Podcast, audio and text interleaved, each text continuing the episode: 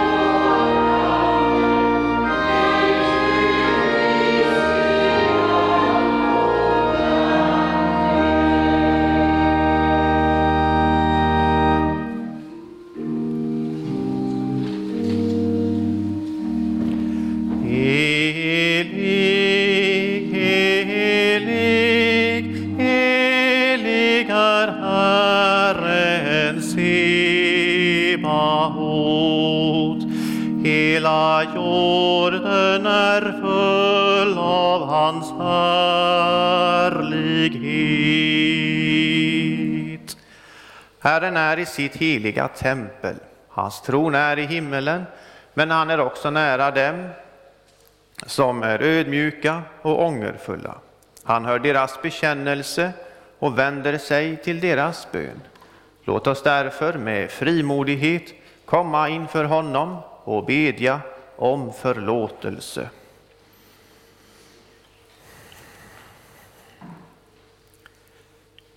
Jag, fattig, syndig människa, bekänner inför dig, helige och rättfärdige Gud, att jag som är född med synd på många sätt har brutit emot dig. Jag har inte älskat dig över allting och inte min nästa som mig själv.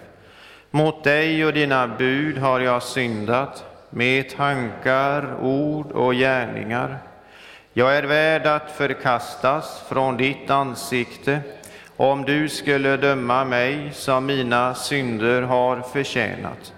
Men du, käre himmelske Fader, har lovat att med mildhet och nåd ta emot alla som vänder sig till dig.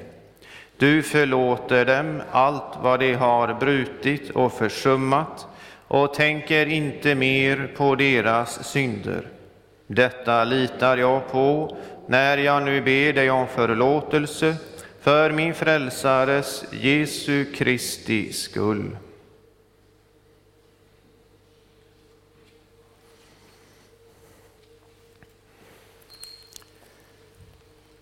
Till dig som ber om dina synders förlåtelse säger jag på Jesu Kristi uppdrag. Dina synder är dig förlåtna i Faderns och Sonens och den helige Andes namn. Amen. Käre Fader i himmelen, vi tackar dig för syndernas förlåtelse genom Jesus Kristus, vår Herre. Amen. Helige Herre Gud, helige starke Gud, helige barmhärtige frälsare, du evige Gud, förbarma dig över oss.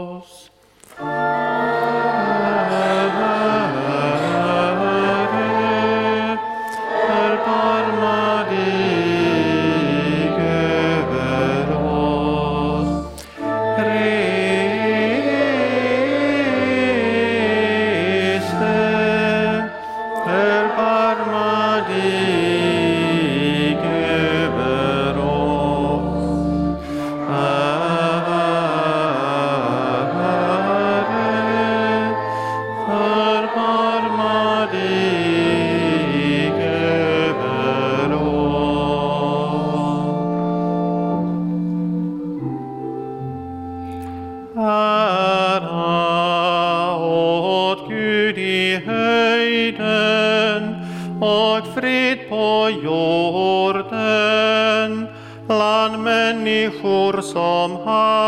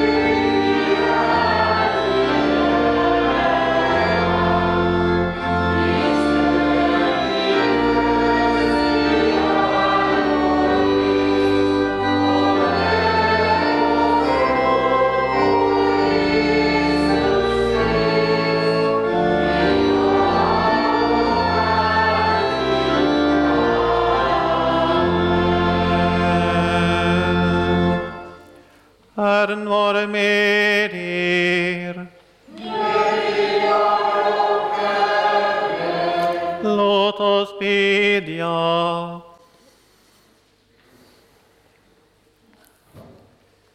Evige Gud, du som tänder vår tro, stärker vårt hopp och formar vår kärlek. Lär oss att leva för andra och att älska utan förbehåll, så som du har älskat oss. Genom Jesus Kristus, vår Herre. Amen. Vi ska nu lyssna till Herrens ord ifrån tredje Moseboks 19 kapitel. Du ska inte gå med förtal bland ditt folk. Du ska inte stå efter din nästas blod. Jag är Herren. Du ska inte hata din broder i ditt hjärta, men du ska tillrättavisa din nästa, så att du inte för hans skull kommer att bära på synd. Du ska inte hämnas och inte hysa agg mot någon av ditt folk, utan du ska älska din nästa som dig själv. Jag är Herren. Och dagens epistel är från första Johannesbrevets fjärde kapitel. Mina älskade, låt oss älska varandra, ty kärleken är av Gud, och var och en som älskar är född av Gud och känner Gud. Den som inte älskar har inte lärt känna Gud, ty Gud är kärlek. Så uppenbarades Guds kärlek till oss. Han sände sin enfödde son till världen för att vi skulle leva genom honom. Kärleken består inte i att vi har älskat Gud, utan i att han har älskat oss och sänt sin son till försoning för våra synder. Så lyder Herrens ord. Gud, vi tackar dig. Och så sjunger vi psalm 91.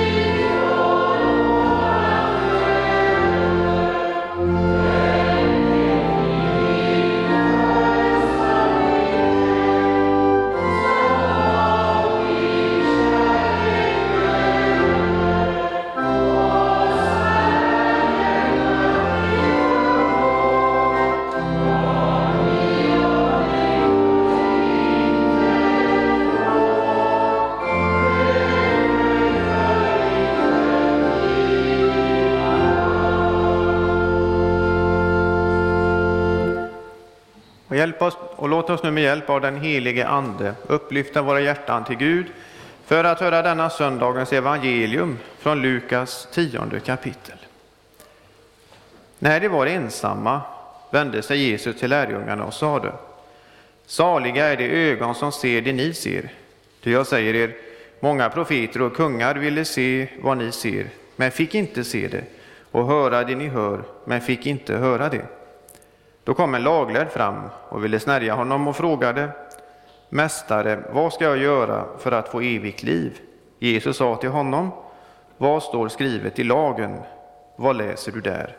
Han svarade Du ska älska Herren din Gud av hela ditt hjärta och av hela din själ och av hela din kraft och av hela ditt förstånd och din nästa som dig själv. Jesus sa till honom Du svarade rätt. Gör det så får du leva. Då ville mannen försvara sig och frågade Jesus, Vem är då min nästa? Jesus svarade, En man var på väg från Jerusalem ner till Jeriko och råkade ut för rövare. De slet av honom kläderna och misshandlade honom. Sedan gav de sig av och lämnade honom där halvdöd. En präst kom händelsevis ner samma väg och när han fick se mannen gick han förbi. På samma sätt var det med en levit. Han kom till platsen, såg mannen och gick förbi. En samarit som färdades samma väg kom också dit. När han såg mannen förbarmade han sig över honom. Han gick fram till honom, hällde olja och vin i hans sår och förband dem. Sedan lyfte han upp honom på sin åsna, förde honom till ett värdshus och skötte om honom. Nästa dag tog han fram två denarer och gav åt värdshusvärden och sade, sköt om honom, och kostar det mer ska jag betala när jag kommer tillbaka. Vem av dessa tre tycker du var en nästa för mannen som hade råkat ut för rövare? Han svarade, den som visade honom barmhärtighet. Då sa Jesus till honom, gå du och gör som han. Så lyder det heliga evangeliet. Lovad vare du, Kristus. Och låt oss nu högt och gemensamt bekänna vår kristna tro. Vi tror på Gud Fader allsmäktig, himmelens och jordens skapare. Vi tror också på Jesus Kristus, hans infödde Son, vår Herre, vilken är avlad av den helige Ande, född av jungfru Maria, pinad under Pontius Pilatus, korsfäst, död och begraven, nederstigen till dödsriket, på tredje dagen uppstånden igen ifrån de döda, uppstigen till himmelen, sittande på allsmäktig Gud Faders högra sida, därifrån igenkommande till att döma levande och döda. Vi tror och på den helige Ande, en helig allmännelig kyrka, de heligas samfund, syndernas förlåtelse, de dödas uppståndelse och ett evigt liv. Och så sjunger vi psalm 406.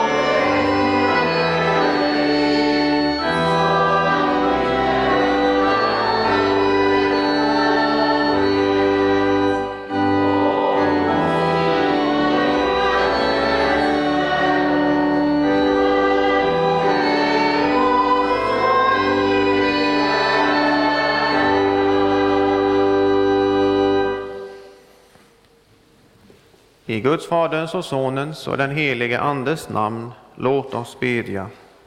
O Fader vår, barmhärtig god, som oss till dig vill kalla och stänka oss med Kristi blod, som rena kan oss alla. Låt komma, Gud, till oss ditt ord, det heliga och klara. Låt det i mörkret på vår jord en ledare oss vara, att vi ej vilse fara. Amen. Låt din barmhärtighet komma över mig så att jag får leva, ty din undervisning är min glädje. Så står det i Saltan 119, vers 77. I dagens evangelium talade Jesus om barmhärtighet och det är ett samlingsnamn av medlidande, kärlek och så vidare. Och det pekar i en riktning mot en praktisk medkänsla för skapelsens nöd och som då i slutändan flyttar fram positionerna. För människans del är ju skapelsens nöd dels den inneboende synden och dels den yttre fysiska eller psykiska nöden. Och ingångsordet nu som vi läste, det är alltså en bön. Och det finns många saker som vi borde bedja om varje dag i våra böner, men vi glömmer eller så prioriterar vi inte alltid. Men den ödmjuke förstår ändå att utan Guds barmhärtighet så kan jag inte vara kristen och vidare så finns det inte heller någon församling och kyrka. Men skriv gärna upp Psaltaren 119, vers 77 och använd den. Det blir en bra påminnelse om hur stor och suverän Gud är och i vilket behov människan står i relation till Gud. I den kristna bönen åberopar man sig inte på vad man själv har gjort utan på Guds barmhärtighet. Och för syndens del så är ju frälsningen en del av Guds fria handlande som hjälpte människan ur syndens nöd.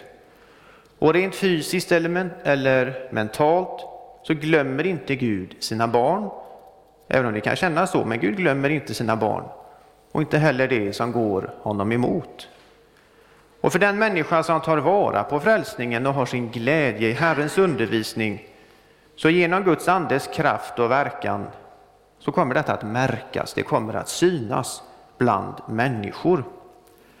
Och predikan ska utveckla och säga något om denna bön. Låt din barmhärtighet komma över mig så att jag får leva, ty din undervisning är min glädje. Och vi ska ta detta i två steg. Och det första det är den här frågan som vi nog alla har hört många gånger. Vem är min nästa? Eller vem är då min nästa? För det var ju den slingrande frågan som Jesus fick idag. Och innan Jesus, eh, innan den här frågan kom, då hade Jesus sagt till sina lärjungar, saliga är de ögon som ser det ni ser. Och för att förstå den kommentaren så får vi gå tillbaka till början av kapitel 10 som handlar om utsändandet av de 70. Arbetet som de 70 utförde, och förmodligen så var det ju de 12 med i detta arbete, i det här missionsuppdraget, det var att gå ut två och två. Eh, och vi får ju bland annat se det här som en praktisk predikan till den världsvida kyrkan och den kristna församlingen. Och när de 70 kommer tillbaka läser vi vers 17. De 70 kom glada tillbaka och berättade, Herre, till och med de onda andarna lyder oss i ditt namn. Och efter denna händelse sker ytterligare en sak som inte kommenteras nu, men därefter börjar dagens evangelietext med orden Och när de var ensamma vände sig Jesus till lärjungarna och sade Saliga är de ögon som ser det ni ser. Och nu kommer då frågan, vad var det lärjungarna hade fått se? Och innan det så får vi förtydliga att Jesus menar inte att någon kan bli salig på vad man får se, utan Jesus måste ha menat att lärjungarna själva trodde på att de var utsända av honom och de trodde på det de såg. Det är ju tron som gör oss salig, men med saligheten kommer också en lycka. Men de trodde på kraften och makten i Guds namn och nu såg de effekten av denna gudomliga makt. Och det var inte alla som tidigare hade fått se detta. Men nu fick lärjungarna se det med egna ögon. Och då blir alltså konsekvensen av Jesu ord, saliga de ögon som ser det ni får se, det är att nu går ett avgörande över världen. För nu visar sig Guds barmhärtighet just genom missionen som de 70 var en del av. För genom missionen ser vi Guds omsorg och medkänsla. Och, och det visas genom att Gud han använder människor för att hjälpa andra människor i nöd. Och i detta sammanhang kommer alltså en laglärd fram, en skriftlärd, och han vill snärja sig från sitt ansvar för att hjälpa sina medmänniskor och fråga Jesus om hur man får evigt liv. Och den skriftlärde han hänvisar ut till Israels trosbekännelse. Du ska älska Herre din Gud av hela ditt hjärta och av hela din själ och av hela din kraft och av hela ditt förstånd och din nästa som dig själv. Och då som nu så var det och är många gånger lätt att säga en sak, men det är inte alltid lika lätt att praktisera den här kunskapen. Och det fanns vid denna tid mycket, mycket skarpa linjer, vilka man hjälpte och vilka man umgicks med. Ett sådant exempel är från Johannes 4, där Jesus ensam talar med en samaritisk kvinna. Och judar och samariter brukar inte umgås med varandra. Och enligt en källa så rådde det alltså ett oförsonligt hat mellan judar och samariter. Och efter detta samtal och lärjungarna anländer så står det om deras reaktion. Just då kom hans lärjungar och de blev förvånade över att han talade med en kvinna. Och går vi tillbaka till den laglärde så var det alltså lätt att avlägga den av Gud givna trosbekännelsen, men inte lika självklar att tillämpa, trots att det var just detta Jesus menade att han skulle göra. Och nu slingrar han sig med frågan, vem är då min nästa? Jo, det är de människor vi har i vår närhet. I äktenskapet, man och kvinna, i familjen, mamma, pappa, barn. Och utanför detta då släkt, arbetskamrater, den eller de jag möter på bussen, tåget eller i affären, människor i grannskapet. Om vi ser språkligt, så i svenska språket hör vi inte kopplingen till nästan i vårt granne eller grannar. Men ser vi till norskan, där har vi nabor. I engelskan har vi neighbor och i tyskan har vi nachbar. Och där hör vi till och med kopplingen till Jesu tal om nästan.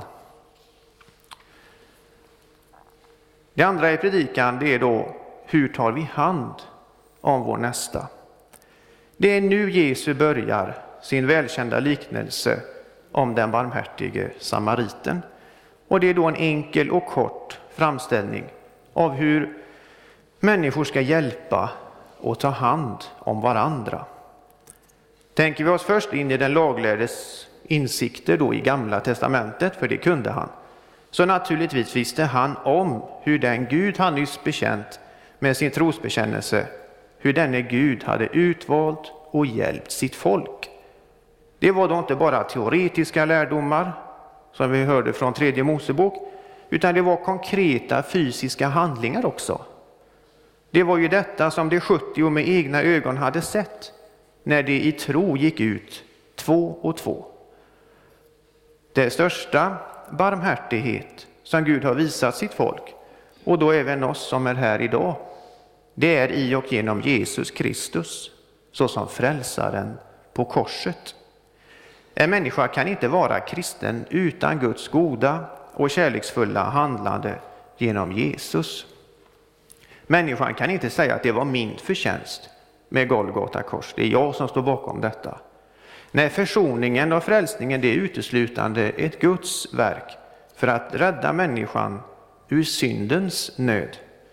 Människan kan göra hur mycket gott och fint som helst och det är ju naturligtvis någonting bra för medmänniskor, men inför Gud så räcker inte det. Jesu blod behövde försona syndens makt över människan. och därmed besegras syndens makt av Guds barmhärtighet. För vår del betyder det att Jesus är den barmhärtige samariten som vandrar i, öken, i öknen för att finna det som är i nöd. För ute i samhället är det ju lite som i en öken. För vi vet alla att där ute frågar inte alla efter Gud. Och för att inte tappa modet är det viktigt att vårda sin församling, där andra som värdesätter Jesu liv och lära också kommer och deltar i verksamheten. Nöd, det är dock inte bara syndens nöd. Nej, det kan lika gärna vara ensamhet eller krämpor i ålderdomen, problem på arbetet. Någon kan ha förköpt sig med sina pengar och kassan tryter. Eller en olycka på arbetet gör att livet tvingas ta andra banor. Jesus är den barmhärtige samariten som också kommer till den som lider av olika åkommor och upplever livet tungt och jobbigt. Hans sätt att hälla olja i såren och förbinda dem, det kan vara genom sjukvård eller församlingens diakoni. Och då är vi tillbaka till hur Gud använder människor för att hjälpa andra människor. I dagens liknelse är det klart att Jesus går utanför den gängse eh, judiska kulturen, vad man normalt sett brukade göra. Och det säger något till den kristna församlingen. Menar Jesus att kristna bara ska hjälpa omvända? Nej, poängen är ju att kyrkans folk hjälper den som ställs i var och ens väg. Exakt hur hjälpen ska gå till kan skifta från gång till annan och rådgivning kan behövas. Men om det är en ateist eller en muslim som ramlar på gatan så inte går man förbi, utan en kristen frågar sig vad skulle Jesus ha gjort? Ingen kan undgå i evangelierna hur Jesus hjälpte människor som var i nöd och likaså hur han offrade sig för oss alla som var i syndens nöd. Ser inte den kristna församlingen denna dubbla nöd, synden i hjärtat och det fysiska eller psykiska lidandet, hur står det då till med omvändelsen och Kristi kors i den församlingen? Aposteln Paulus skriver Men Gud som är rik på barmhärtighet har älskat oss med så stor kärlek också när vi ännu var döda genom våra överträdelser, att han har gjort oss levande tillsammans med Kristus. Av nåd är ni frälsta. Efesierbrevet 2. Och det som beskrivs här är ju ett tillstånd före omvändelsen och ett tillstånd efter. Om nu kristna blundar för andras nöd, då är man ju på väg tillbaka till hur det var före omvändelsen, eller så är man redan där. Jesus visar med liknelsen av den barmhärtige samariten att med det kristna livet så hjälper kristna varandra samt det som inte, även då det som inte tillhör den kristna församlingen. Och om inte så är fallet, då är något fel hos den enskilde kristne eller församlingen i stort. Jesus sa ju att en präst och en levit gick förbi den behövande mannen. Och vi går vidare. Det samariten gjorde, förutom att hälla olja och vin i såren och förbinda den nödställde, det var att han tog honom på sin åsna och förde honom till ett värdshus och betalade. Och då blir ju frågan, vad är värdshuset en bild för? Jo, det är Kristi kyrka på jorden eh, och som i sin tur då har församlingar jorden över. Och märker du att allt inte varit som det borde med syndabekännelsen eller annat, då annat tagit plats i livet, eh, till exempel att annat har tagit den plats som Jesus och betjänandet av medmänniskor borde, tänk då på att du är i kyrkan, i den kristna gemenskapen. Det är alltså Jesus som har lagt dig på sin packåsna och fört dig fram till Guds nådatron. Det är det Jesus syftar på när han säger för sin himmelske fader, sköt om honom och kostar det mer ska jag betala när jag kommer tillbaka. Mariakyrkans församling är ett sådant värdshus och tanken är att människor som vistas här tillsammans med Guds kärlek, makt och kraft hjälper varandra och andra som kommer i dess väg, sin nästa. Och blir det inte så, då har Jesus lagen. Den lag som visar vad som är rätt och fel. Och den lagen blir i så fall hjälpande, gällande att hjälpa medmänniskor i nöd. Liknelsen om den barmhärtige samariten. Tänk på det. Den som menar sig att man inte behöver hjälpa sin nästa utifrån hur Gud ser på saker och ting får direkt liknelsen om den barmhärtige samariten emot sig. Eftersom Jesus svarade den laglärde, gör du, gå du och gör som han. Och förut i episten så läste vi från Johannes första brev, den fjärde versen, eh, kapitlet, verserna 7 och 8. Mina älskade, låt oss älska varandra, ty kärleken är av Gud och var och en som älskar är född av Gud och känner Gud. Den som inte älskar har inte lärt känna Gud, ty Gud är kärlek. Och har du kommit fel här, så till dig gäller Jesu ord inför sin far i himlen. Kostar det mer, ska jag betala. Sådan är den kristna förlåtelsen. Den är var morgon ny. Den gäller var och en som i tro vill lämna det gamla livet bakom sig, synder och annat, och mottaga Guds barmhärtighet genom Jesus Kristus. Och där ber också då en kristen människa, låt din barmhärtighet komma över mig så att jag får leva, ty din undervisning är min glädje. Och den som tagit emot denna Guds barmhärtighet och har sin glädje i Herrens undervisning, alltså Herrens ord, kommer också att få ett intresse gällande församling och mission. För missionen är en tydlig bild av hur Guds kärlek finns hos de kristna och att missionen är Guds barmhärtighet som visas runt om i samhället och i världen. Det vi då inom kyrkan bland annat kallar diakoni, alltså betjänande av människor i nöd. För Jesus är den barmhärtige samariten som tagit sig an oss människor som av synden är sårade och skadade då vi alla gick sin egen väg. Men genom Kristi kors och Jesu blod så är syndens sår helade och med detta följer en upprättelse för den fallna människan då hon vänder sig till Jesus och vänder sina steg mot värdshuset. För värdshuset är den kristna församlingen och där lyssnar man till värdshusvärden, alltså till kyrkoherden och de som är satta att förvalta den kristna missionen med allt vad det innebär tills den stund då Jesus kommer tillbaka. Avslutningsvis ska vi också förtydliga det att, att visa barmhärtighet, det är också i förlängningen att hålla fast vid det som Jesus har lärt oss. Det är ju han som är den barmhärtige samariten. Det betyder inte att låta folk göra vad de själva känner, tycker och tänker, utan visa barmhärtighet. Det är också att våga stå upp för sin inre och sin yttre Kristusbekännelse. Amen. Låt oss bedja. Lovad vare Gud och välsignad i evighet, som med sitt ord tröstar, lär, förmanar och varnar oss.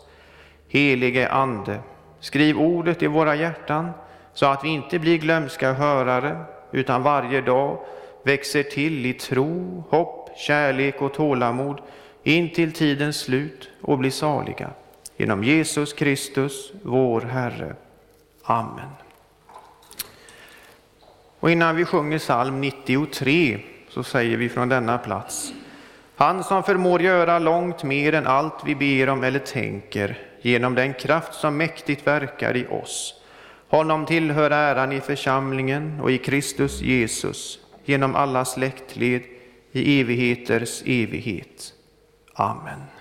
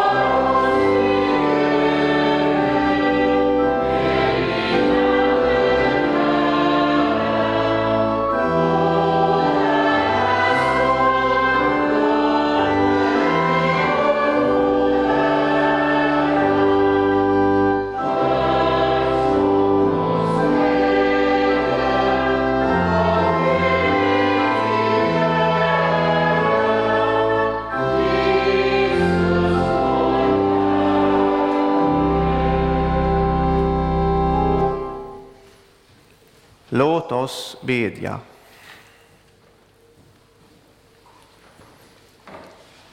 Herre vår Gud, vi ber dig, styrk och led din kyrka och samla ditt folk kring ordet och sakramenten.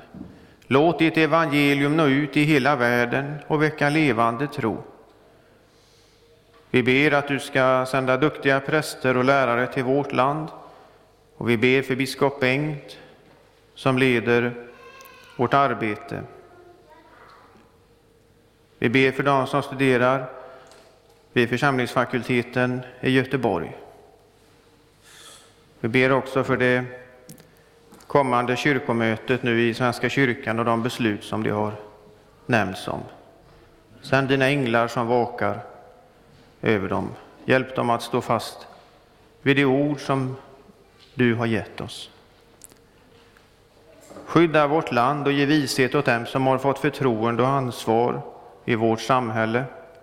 Bevara vår konung och hans familj. Välsigna vårt arbete. Var med dem som av olika anledningar inte kan arbeta fullt ut och, eller saknar arbete.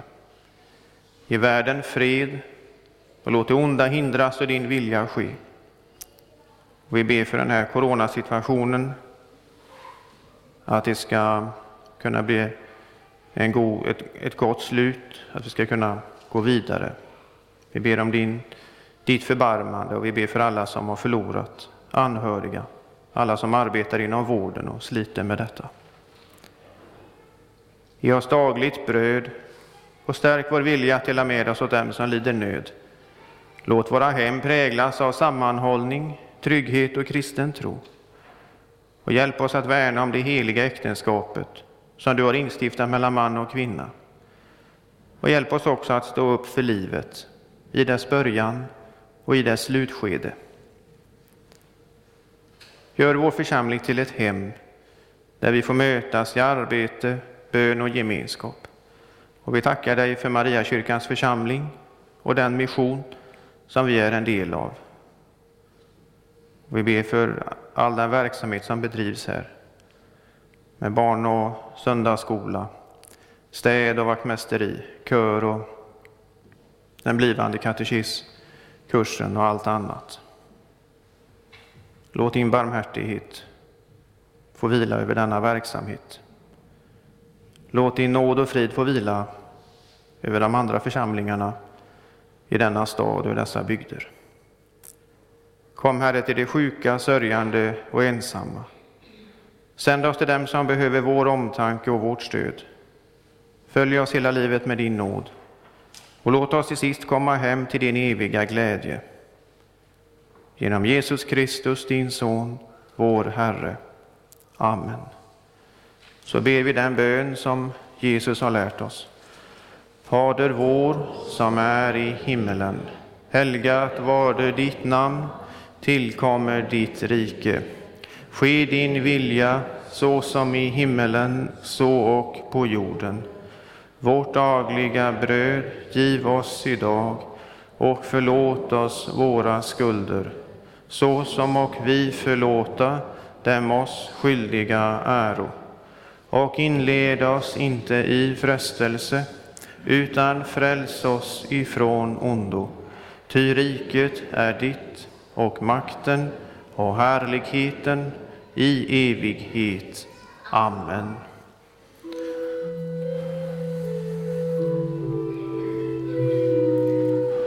Låt oss tacka och lova Herren.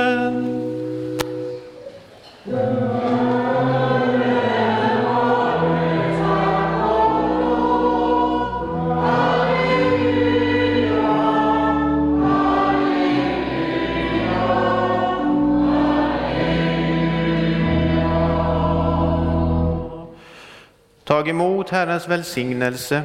Herren välsigne er och bevare er. Herren låte sitt ansikte lysa över er och vare er nådig. Herren vände sitt ansikte till er och give er sin frid.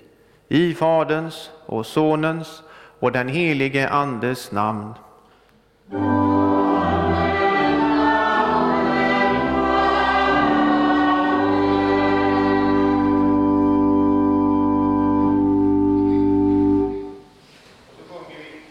Så sjunger vi psalm 102 som avslutning.